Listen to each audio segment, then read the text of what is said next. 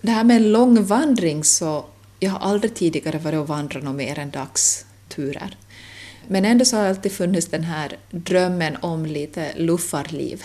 Där att du har allt vad du behöver på ryggen och sen så bara går du. En fredag i mitten av mars har jag träff med Sonja Backlund i hennes ateljé på det gamla kasernområdet i Vasa. Jag känner till Sonja sedan hon var barn eftersom hennes föräldrar och mina föräldrar umgicks under min uppväxt. Men eftersom Sonja föddes som sladdbarn när jag och flera av hennes syskon redan var i tonåren så har vi aldrig egentligen lärt känna varandra. Här ska du! Hej! Hej! Jag såg liksom Vill du ha kaffe? Egentligen om du har. Tycker jag ser några änglar som sticker ut över en tratt.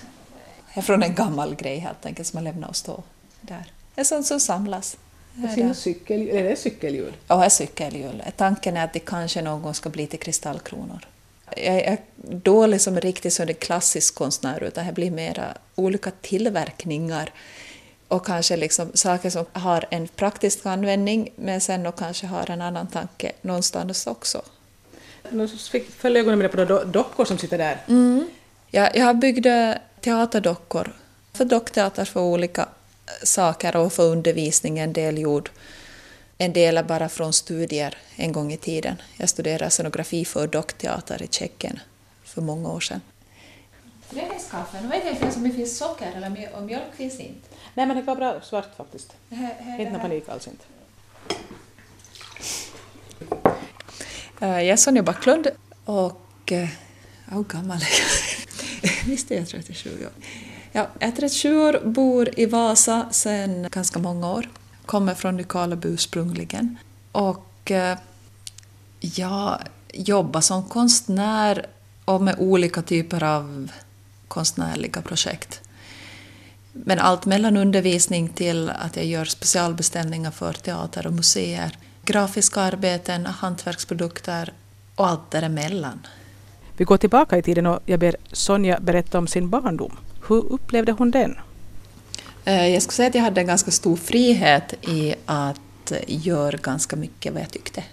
Det fanns en, just med tanke på vad jag nu jobbar med, fanns det ändå en stor öppenhet. Jag var ingen som blev arg för att jag nötte upp morsans den här elvispen i mina försök att göra papper i källaren. Alla kom bara och tittade lätt fascinerat. Så du har haft den här dragningen att vilja hålla på och experimentera och göra saker, tillverka konstiga saker redan som liten? Jag lär som treåring ha, ha väckt en stor förundran över att jag har byggt konstiga fångsthagar för harar i snö på åkern mellan vårt hus och grannens. Fångar du någonsin någonting där? Nej, men de åt upp mina morötter konstant. Mitt bete. Jag lyckades locka dem, men jag lyckades inte fånga dem. Jag grävde inte tillräckligt djupt tydligen. Och Hur gammal sa du du var då? Runt tre, fyra. Vilka ämnen var Sonja intresserad av sen när hon började skolan? Teckning och eh, historia har jag alltid tyckt om också. Och sånt, för det handlar om att, att förstå hur folk tänker. Varför tänker folk på ett visst sätt? Men kanske också att göra med att eh, genom att jag växte upp med äldre syskon på en gårdsgrupp där det inte fanns så många andra barn, eller i princip inga andra barn, så var mina lekkamrater i 70-årsåldern. Så rent Ja, du var där du var träffade tanterna som fanns där omkring. Jo, man kan säga rent krasst så mina lekkamrater från barndomen döda de flesta. Ja, De var runt 70-80 allihopa där. Och då är ju ett visst perspektiv och, och också finns, där fanns mycket hantverksskicklighet bland de här som satt och sydd och knyppla och vävd och sådana saker. Så du trivdes bra med de här äldre lekkamraterna dina? Jo, de hade ju tid för en och, här, och man kunde sitta där och prata med dem om allt möjligt. Och de var säkert glada att någon kom in också. Oh ja, de var glada och tålmodiga när man kom in med ett får i koppel som sket på deras köksgolv.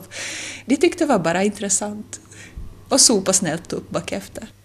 Åren gick och Sonja Backlund blev student. Vilka planer hade hon då? Jag ville studera scenografi. Jag hade klurat ut att det fanns en sån sak. För att där fanns möjligheten att få bygga och konstruera. Du var inne på det bygga sig. In på det bygga sig, men inte ark- arkitekt sökte till en gång också. Men då måste man ju liksom bygga på riktigt. Och då måste hålla och då blir det så många krav. Men jag kom inte in på den utbildningen. Så då gjorde jag som så att jag ringde teatern här i Vasa och sa att får jag komma som gratis arbetskraft mot att eh, ni ordnar, ett, ordnar husrum åt mig. Och på det viset var jag på ett antal olika teatrar. Det var väldigt intressant att på ett år när jag turnerade runt med det här så lärde jag mig väldigt mycket. Då fick man ju en insikt i liksom vad olika yrkesgrupper och fungerar på olika ställen och sånt. Och sen så var jag på, hos en dockmakare i, i Stockholm en höst. Och det här ledde indirekt till att Sonja så småningom hamnade i Tjeckien där hon studerade scenografi för dockteater. Just när jag hade varit i Stockholm så träffade jag där en människa som hade varit på praktik på den här skolan i, i Prag och fick veta om det den vägen. Och sen som tiden var då så skrev man brev och frågade om de kan sända mera information. Och det gjorde de. När jag kommer andra året från Finland på inträdesförhör dit, då inser jag väl att den här människan slipper vi inte. Det är lika bra att vi plockar in henne här. Men jag antar att undervisningen inte gick på något språk som du kunde? Nej, inte egentligen. Det fanns några få kurser på engelska. Och de rena teoretiska kurserna så klarade jag aldrig av att läsa, för min tjeckiska blev aldrig så bra. Så därför gick jag de praktiska kurserna och tog kurser på andra universitet där jag hittade sådana som jag förstod. Det var väldigt intressant. Och det här, senare så kanske jag ångrar att jag inte stannade längre. För det fanns väldigt mycket att se och väldigt mycket att lära sig där. Varför stannade du inte längre då? Jag hade fått idén om att man behöver papper och en examen. Aj, ja, nu mitt allt kom på det. nu mitt allt kom jag på det. Jag kände liksom någonstans att man måste ha papper på det man gör. Ingen har någonsin riktigt brytt sig om de papperna sen som jag fick sist och slutligen.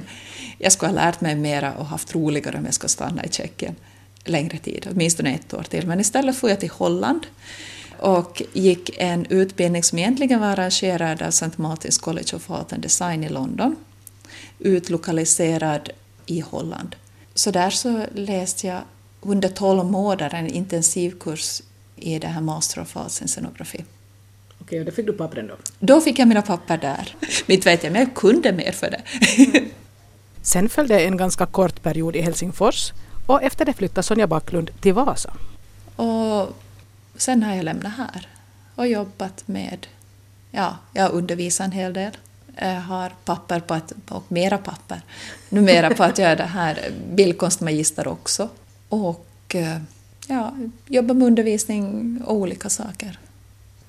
Orsaken till att jag sökte upp Sonja Backlund just nu var att jag var nyfiken på en sak som hon gjorde för några månader sedan. Så jag ber henne berätta lite mer om det. Jag var i höstas på en tre månaders vandring i Israel. Eller egentligen, vi vandrade i två och en halv månader. En vandringsled som heter Israel National Trail. Och eh, 940 kilometer. Startar uppe längst upp i norr, vid Dan, upp i nordöstra hörnet vid berget Hermon i Nimrod. När du säger var ni många? Första månaden var vi tre stycken och sen måste en åka hem på grund av studier och så var vi två stycken som fortsatte sen. Ända ner till Eilat, eller 10 kilometer söder om Eilat, egentligen vid egyptiska gränsen. Varför så var för fyra år sedan var jag på en resa till Israel, nästan av en slump. Jag har aldrig liksom funnits liksom väldigt högt på önskelistan av resmål. Men jag råkade hamna med. Och man måste nog köpa en biljett och fara dit. Det är ju inte så att man råkar köra fel korsning liksom när man på vägen ut från Vasa. Oj, jag hamnade i Israel! Vänner till mig som var, hade anmält sig till den här ganska traditionella bussresan i Israel. Och eh, jag kom mig plötsligt med. Och det här, före den resan så hade jag ingen liksom, jag visste inte hur jag skulle ställa mig till hela landet eftersom det är komplext och kontroversiellt på många sätt. Väcker mycket känslor av alla dess sort hos många olika människor. Jag brukar säga att hos mig väcker det mest trötthet för det håller på att slagna sig ja. så länge jag minns. Liksom att... Ja, min reaktion var ungefär den också. Sen kom jag dit och konstaterade att ja, inte blev klarare för att man kom dit.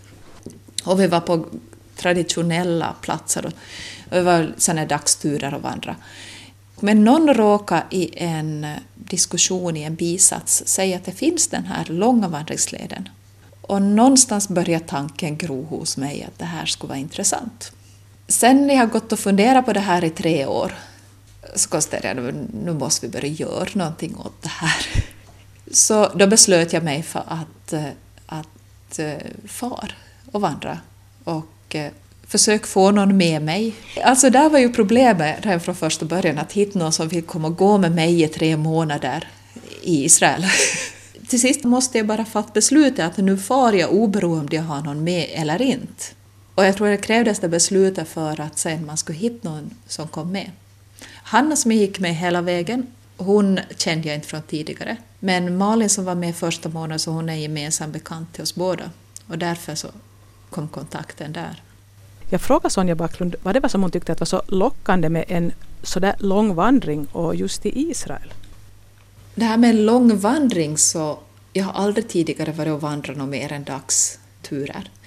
Men ändå så har alltid funnits den här drömmen om lite luffarliv. Där att du har allt vad du behöver på ryggen och sen så bara går du. Så den tanken fanns där. Men sen också, det finns väldigt många vandringsleder, men det som intresserade mig med den här var att den går genom väldigt många olika landskapstyper.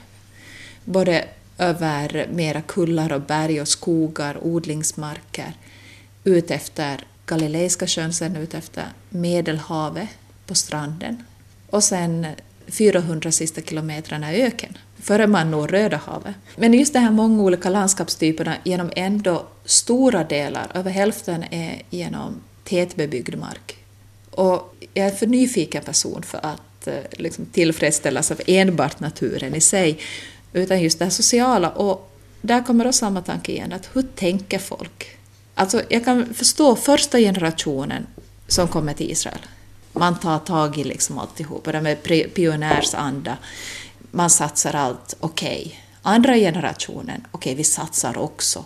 Ja, hur ska det här gå nu? Tredje generationen, ja, ja, vi fortsätter. Men vad händer sen? Och hur tänker folk sen? För krigen fortsätter, problemen fortsätter. De blir inte färre egentligen. Och sen om man läser nyheter här, man läser liksom facklitteratur, den som finns här, så är han väldigt svartvit, väldigt liksom starka åsikter. Jag läste ett par hyllmetrar före jag for. Till slut så gav jag upp med all liksom, politisk litteratur och började läsa israeliska romaner. För de berättar mer om vardagsliv och vanligt folk och tankegångar som finns där än just det här så kallade faktalitteraturen. Men just det hur tänker folk där? På gräsrotsnivå, vanliga människor som lever i den här världen. Var det lätt att få reda på det då? Folk är väldigt pratglada. Och eh, men kommer väldigt lätt i diskussion med folk man träffar på. Och sen bara att liksom se hur folk bor. Den här leden är inte på det viset så väl inarbetad som till exempel Compostela. Det finns inte härbergen på samma vis ute efter vägen. Så var sover man? Ungefär hälften av nätterna sov vi i tält. Och eh, en del nätter på, i större städer så bodde vi på billigare hotell eller vandrarhem eller liknande. Men sen en, nästan knappa hälften av nätterna så bodde vi hos olika trail angels, det är alltså privatpersoner som har skrivit sig på en lista och gett upp sina kontaktuppgifter. Att när man kommer till deras ort så får man ringa upp dem och övernatta hos dem. Det kan betyda att det är ett rum hemma hos dem. Eller så kan det betyda att det är en gräsmatta utanför en butik med vattenkran. Men det gör ju också att man kommer i kontakt med mycket folk som gärna pratar och berättar om sitt liv. För det är ju, så folk kan engelska bra menar du? Folk pratar en bra engelska oberoende, eller lite beroende på varifrån folk kommer sen och vilka folkgrupp man tillhör. För vi ser ju ofta saker härifrån som att det finns liksom judar och sen finns det palestinier. Men palestinier är bara en av arabiska folkgrupperna där. Det finns druser, det finns beduiner och, och liksom andra också. Och sen så finns det judarna som kommer från hela världen. De kommer från Mellanöstern, en stor procent, från Amerika, från Europa, mycket från Ryssland. Men det kan också betyda att den här lilla byn med judar som har i tiderna kommit från hela byn från Algeriet och fortfarande idag i tredje generation pratar algerisk arabiska kanske har kulturellt närmare besläktat med palestinierna än med amerikanska judarna. Och det gör att det blir väldigt komplext. Och när du går från by till by, från litet samhälle till litet samhälle, kommer från en helt annan värld. Eller byter det som nya världar på något vis. Det gör det väldigt intressant. Efter din resa, var du då mera förvirrad eller hade du fått lite på klart? Man kan säga som så att in, man inser att sakerna är definitivt komplexa och betydligt mera komplexa än man ser det härifrån. Väldigt få saker är svartvita, utan det blir ja, komplext. Men intressant på samma sätt. Och just hur folk tänker är intressant. Väldigt stark liksom, samhörighetskänsla. När man kom gående genom ett litet samhälle också så kunde någon stanna bilen och fråga ja, ni är ute och vandrar den här Shvil, alltså Israel National Trail. Ja, var tänkte ni sova i natt? Ja, vi funderar att sätta upp vårt tält här på en gräsmatta om det är möjligt på den allmänna gräsmattan. Vill ni sova inomhus? Ja, möjligt. Okej, sätt in era ryggsäckar här i bakluckan och så kommer ni till huset där nere. Och sen så flyttade den här sexbarnsmamman om sina barn så vi fick sova i en av döttrarnas rum. Och så visade hon oss köket och sen konstaterade att ja, jag ska på ett bröllop om en timme, men ni tar väl hand om huset? att uh, man litar väldigt mycket och man tar hand om varandra väldigt mycket. Och är intressant att se.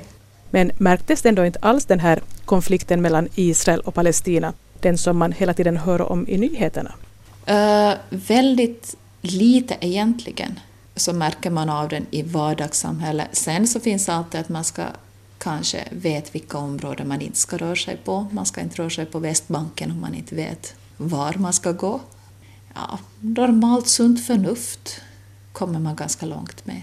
Men just vi var inte alls in på de här mera kontroversiella områdena. Som Gaza kommer man inte in på, Västbanken var vi inte in på heller. På övriga områden där det är mest eh, motsättningar så är Jerusalem, men där hade vi inga problem heller. Och man märker kanske att det finns väldigt många sätt att tänka. Men sen så märker man också att folk är vana med att alla tänker på olika vis och därför finns en tolerans hos vanligt folk till att man tänker på olika vis. Men vi fick väldigt mycket hjälp av alla folkgrupper. Jag frågade Sonja om de träffar på många andra vandrare som gick den här samma leden. Det finns många israeler som vandrar den här leden och många som är yngre. De har en militärtjänstgöring som är två till tre år, både kvinnor och män. Och när de kommer från den här så är det vanliga att endera åker man på utlandsresa, ett till två år. Eller så om man inte har möjlighet till det så får man och vandrar. Så vi träffar en hel del 20-åringar ute efter vägen, också äldre, men många sådana. Väldigt få utomlands ifrån. För att den är kanske inte så känd utomlands den här leden, men den håller på att bli. Då när alla redan har varit och vandrat till Santiago de Compostela så kanske de söker några nya mål. Ungefär så ja. De här liksom ja. obotliga vandrarna som alltid måste få vandra. Jo, för jag tror att här, har man en gång varit så inser man att det här är ett intressant sätt att börja lära känna sig själv och se mer av världen. Så när ska du vandra nästa gång? jag vet inte. du tror att du ska? När vi kom genom öknen och ner till Eilat ut till Röda havet, då sa jag aldrig mera. Sen så, efter några veckor hemma, så råkade jag hitta en liten specialtvättmedelsburk som inte jag hade haft med mig. Och titta på den och konstaterade, ja men nog borde man ju använda upp den här någon gång. så, och, och, jo, jag kliar nog i tårna att få på nytt. Jag vet inte om jag får på en lika strapatsrik vandring som i första taget, för den här är en tuff led. Speciellt ökendelarna. Det är ju inte Sahara det här, det här är Negev. Den är genomkorsad av vägar och vägar för fyrhjulsdrivna fordon. Men eh, ändå så är det stenöken där man är mycket klättring. Med metallhandtag nog och repstegar men... Har du gjort sånt förr? Inte så mycket. Men när man står där så kan man ju, det är ju bara att ta sig vidare på något vis. Men alltså det är lite tufft när man har 20-25 kilo på ryggen. Men det är intressant att utmana sina egna gränser och se att man klarar mer än man tror. Det är intressant att upptäcka att oj, jag är visst höjdrädd, det hade jag vetat om. Men det går nog bra i alla fall. Vad är alternativet sen när man står där någonstans ute i ingenstans? Jag tror nog någon gång så vill jag få på liknande utmaningar. Just för att man lär känna sig själv bra och har ett intressant sätt att, att töja sina egna gränser. Nå, vad lärde du dig om dig själv förutom att du märkte att du var höjdrädd? Hur lite kan man sova? Eller liksom hur, med dålig madrass på stenar. Och eh, just det här att hur klarar man utmaningar? Hur, hur kan man ställa sig själv? Hur kan man liksom arrangera praktiska saker? Och sen också när jag kom hem så var det, vad är viktigt egentligen? Vad saknar man när man har gått där?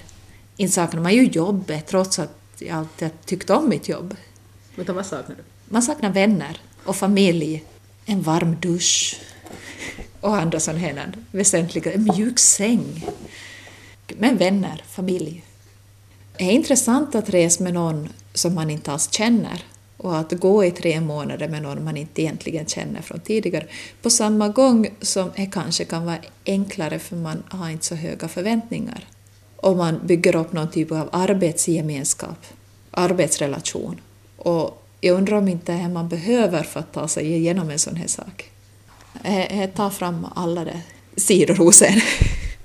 Man är ju, ja, innan vi var genom öknen så tyckte jag att vi var närmare som ett gammalt gift par någonstans där man hade pejl på allt om den andra, allt mellan liksom eh, magfunktioner till hårvård till eh, matvanor, allt. Det skulle ju handla om att man gick en lättare led.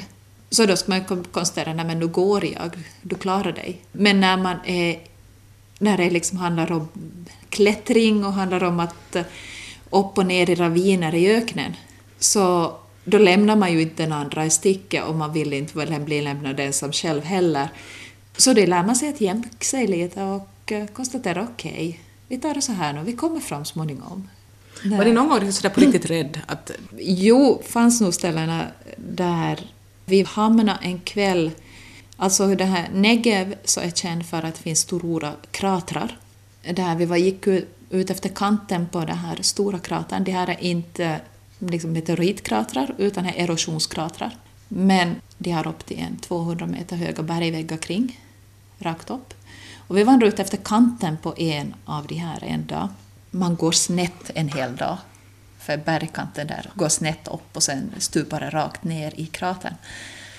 Och det här var en tuff dag, visste vi. Och vi var tillsammans med ett större gäng, vilket var väldigt bra. Eh, och det här, alla sa mig, ja men det här går nog bra, alltså vi, vi vi hinner hur bra som helst. Så vi tog en ordentlig lunchpaus, kanske lite för länge. Men resultatet att vi sen när det blev mörkt klockan fem så hade vi nått precis så långt så vi hittade ett, vi skulle ner för ett stort torrt vattenfall med stora kalkstensformationer, sån här som, som jättestora ägg typ. Och då blev det mörkt. Jag skulle ha satt mig, jag skulle ha varit beredd att veckla ut min sovsäck och sätta mig i ett litet hörn och bara sitta där en natt. Men jag var inte smart på grund av att det hade varit flodvarningar, vilket betyder att öknen där fungerar så att regnar det kan regna 100 kilometer bort eller något liknande och sen så samlas allt det här vattnet och forsar ner för de här torra flodbäddarna på vissa ställen. Och genom att det hade funnits lite regn i luften så var, konstaterade jag att det var bäst att inte stanna där. Men då var alternativet att klättra ner nerför de hala runda stenarna i mörkret. Tack vare väldigt tålmodiga människor så kom jag mig ner också. Fick ni bära ner dig eller? Nej, men eh, tack vare liksom väldigt snälla människor som konstaterade nej, då sätter du ena foten här och så tar du nästa hand där och så får du grepp här och så tar vi nästa steg så så kom vi och snodde era. Men det här var en så pass knepig nedfart så jag vet, kanske var lite barmhärtigt också att det var mörkt. Ni såg inte? jag såg inte vart vi var på väg. Nå, vad var känslan när du väl kom fram då? Mycket lättnad, men också det här att wow, vi kom levande ner. jag har också väldigt stor tacksamhet till de här som hjälpt mig ner, för jag var panikslagen rädd. Men är intressant att inse att man, man klarar sig, det går. Och man kan mycket mer än man tror. Och eh, en jättebra erfarenhet. När man bara fortsätter i sitt vardagsliv så fastnar man i vissa spår.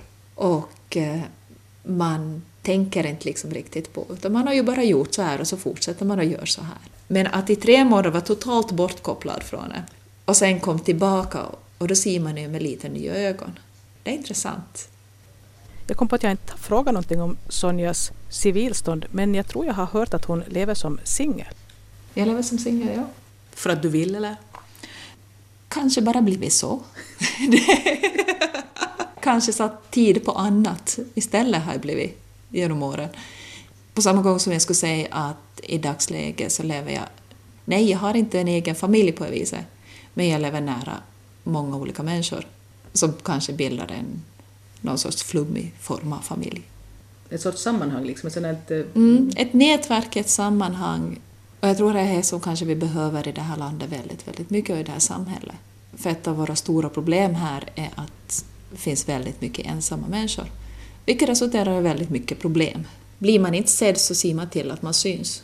Och då kanske det kan vara bättre om man kan bygga upp nätverk och att man ser varandra. Jag tror man behöver människor som man kan berätta åt att det här, jag hittade en god ost i butiken idag. Det kan hindra liksom stora massskjutningar. Men har du då gått in för att faktiskt skaffa en sån grupp, eller har den uppstått av dig själv, en sån en nära? Jag tror, jag tror att eh, det är andra som har gått in före och jag har förstått det i efterskott. Poängen. Det är en sak som hela tiden förändras också. Precis som en, familj en, en annan familj förändras och familjer förändras det här också. Folk flyttar, folk kommer, folk går. Men ja, i alla fall. Så vad som händer framöver vet jag inte heller. Jag kommer på att jag glömt att fråga en sak när det gäller resan till Israel. Jag har förstått att vissa resor dit ordnas av religiösa organisationer. Så jag frågar Sonja ifall hon själv har någon religiös övertygelse. Ja, jag är kyrkligt aktiv och kristen räknar jag mig som. Alltså sådär slentriankristen som alla som blir döpta eller har du gjort något, något eget val i något skede också? Jag har nog gjort ett eget val. Jag, jag är aktiv inom frikyrkliga, inom Aha, missionskyrkan. Okay. Mm. Och det här... Jo, men jag skulle säga att varför jag for till Israel var kanske inte därför. Där, inom frikyrkliga kretsar finns det en väldigt, också inom lutherska, på många håll, inte alla håll, en väldigt idealiserad bild skulle jag säga av Israel. Men det gjorde mig mera fundersam jag kan förstå tankegången där, men jag hittar väldigt få kopplingar till... Ibland hittar jag väldigt få kopplingar till vardagslivet i landet. Så var det med någon sån grupp du var första gången dit då? Till det här? ja. ja okej, okay. mm. nu det förstår jag. I vilket skede kom då Sonja in i de här kristna sammanhangen? Min mamma satt mig i församlingens barnkör i Nykarleby som sexåring. Och sen ångrade hon sig säkert vid något tillfälle, eftersom jag blev fast där. När jag sen flyttade vidare så kändes ofta lutherska kyrkan för stor och opersonlig. Och eh, av olika orsaker så hamnade jag sen i Missionsförbundet. Genom att det är mindre, mindre och personligare på det viset.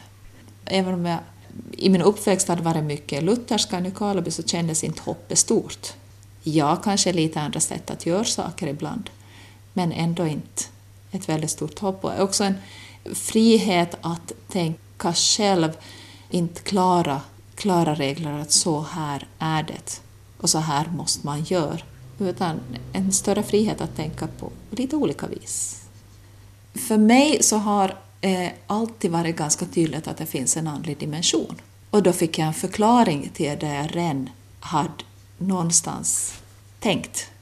Redan som barn så var liksom det här att det finns mer än man ser ganska tydligt för mig. Och sen få någon som kan kunna bekräfta det här var en bra upplevelse, helt enkelt. Jag tycker om logik. Och för mig så är det ett logiskt sätt att se på världen. Det låter kanske absurt för andra, men för mig så är det logiskt på något vis att det finns just att det finns mer än man ser, att det finns att en människa skulle lyckas liksom komma till av en slump med alla sina liksom delar och detaljer och så vidare kräver för mig en mycket större tro än att så tro att någon menar, har gjort den. Någon, någon har varit med och styrt där liksom utvecklingen menar du? Ja, då, då blir det mycket enklare att tro och det känns också mycket mer logiskt än att saker bara har råkat falla på plats. Ja, i många olika, olika liksom situationer så känns det mer logiskt.